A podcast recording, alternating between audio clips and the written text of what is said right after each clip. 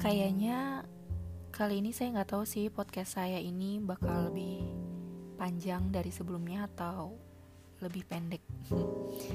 Berbeda dari podcast-podcast saya sebelumnya, saya berniat untuk buat podcast ini dengan dua part. Kenapa? Karena waktu itu di podcast saya yang perfeksionis sebelumnya, saya pernah bilang begini. Saya nggak tahu dia bakal denger podcast ini atau enggak. Walaupun nantinya tetap bakal saya kasih tahu kalau podcast tentang dirinya sudah jadi. Yap, manusia yang saya maksud di podcast perfeksionis sebelumnya sudah mendengarkannya. Dan memang betul adanya itu tentang dirinya. Katanya dia nggak berniat buat denger podcast saya yang lainnya karena nggak sesuai sama dia. Ya, ya sudah saya tidak memaksakan dia untuk mendengar semua podcast saya. Oke, akan saya ceritakan singkat gimana reaksi dan tanggapannya dia waktu itu. Untung saja waktu itu dia nggak langsung telepon saya. Karena mungkin isinya cuma dengar ketawa dan caci maki dia karena heran. Heran karena bisa-bisanya saya menyerang dia dengan podcast seperti itu. Kalian pernah gak sih mengetik dengan huruf kapital semua saat mendengar atau mungkin mengetahui kabar yang membuat kalian menjadi heboh. Nah, itu dia. Dia seperti itu waktu itu. Saya cuma bisa tertawa, tidak tahan untuk menahannya. Bahkan, dia mengulang podcast saya untuk ketiga kalinya atau kesekian kalinya. Saking ia tidak serius mendengarkan, hanya tertawa, tersenyum, dan menyatakan bahwa semuanya yang saya katakan itu benar adanya. Dia benar-benar heboh seperti melihat binatang yang paling ditakuti ada di hadapannya. Kali ini, saya tetap mau bahas tentang dirinya, dan kemungkinan besar terjadi pada orang lain juga di luar sana. Menurut saya, orang yang perfeksionis itu punya pendirian yang kuat bisa dibilang sama dengan orang yang keras kepala.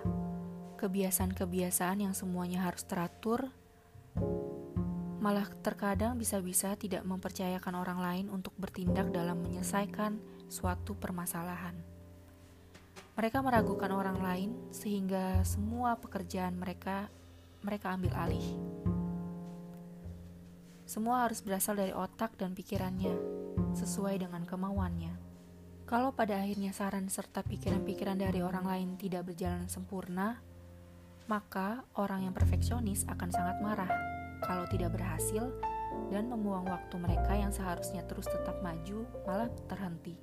Namun, terkadang pikiran-pikiran di awal yang ia ragukan pada orang lain akhirnya benar terjadi.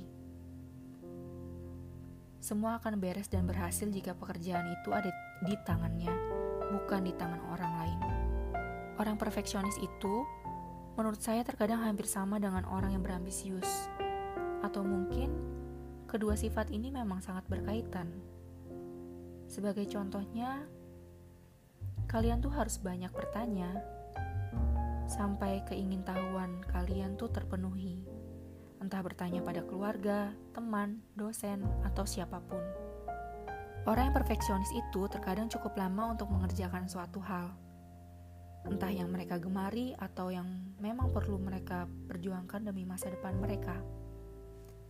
Mereka melakukan segala hal, dari hal yang paling besar sampai hal yang paling kecil. Bahkan, seperti yang saya bilang di podcast sebelumnya, mereka bisa aja sampai stres, sampai frustasi, kalau-kalau segala yang ia kerjakan berantakan dan gagal begitu saja. Atau mungkin di tengah-tengah pekerjaannya mereka bisa saja mudah frustasi.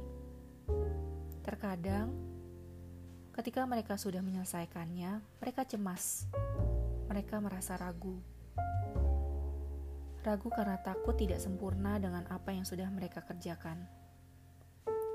Kayaknya ada yang kurang deh seharusnya ditambah ini, seharusnya ditambah itu. Atau seharusnya yang ini gak dipakai deh, gak diperluin, tapi diganti dengan yang lain. Ya, itu semisalnya. beberapa perkataan yang kemungkinan sering muncul di mulut mereka. Saya pernah bilang, setidaknya sudah dicoba, sudah berusaha. Namun, manusia itu berkata, setidaknya adalah kata yang tidak cukup buat gue, Nat.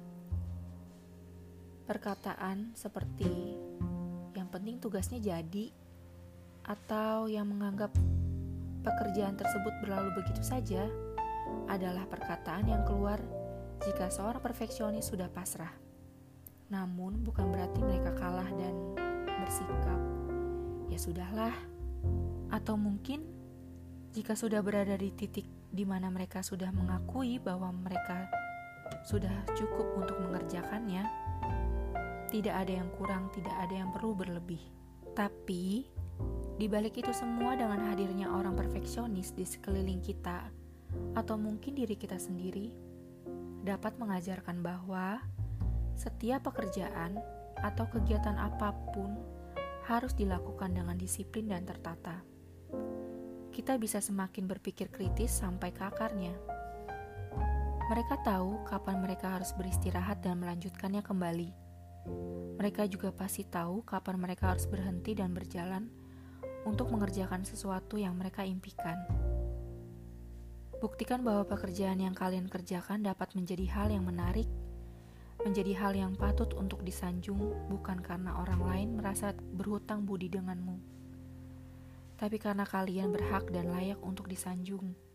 Buktikan bahwa kita bisa mencapai tujuan kita dengan kegigihan kita sendiri, tujuan yang sudah kita impikan dan persiapkan.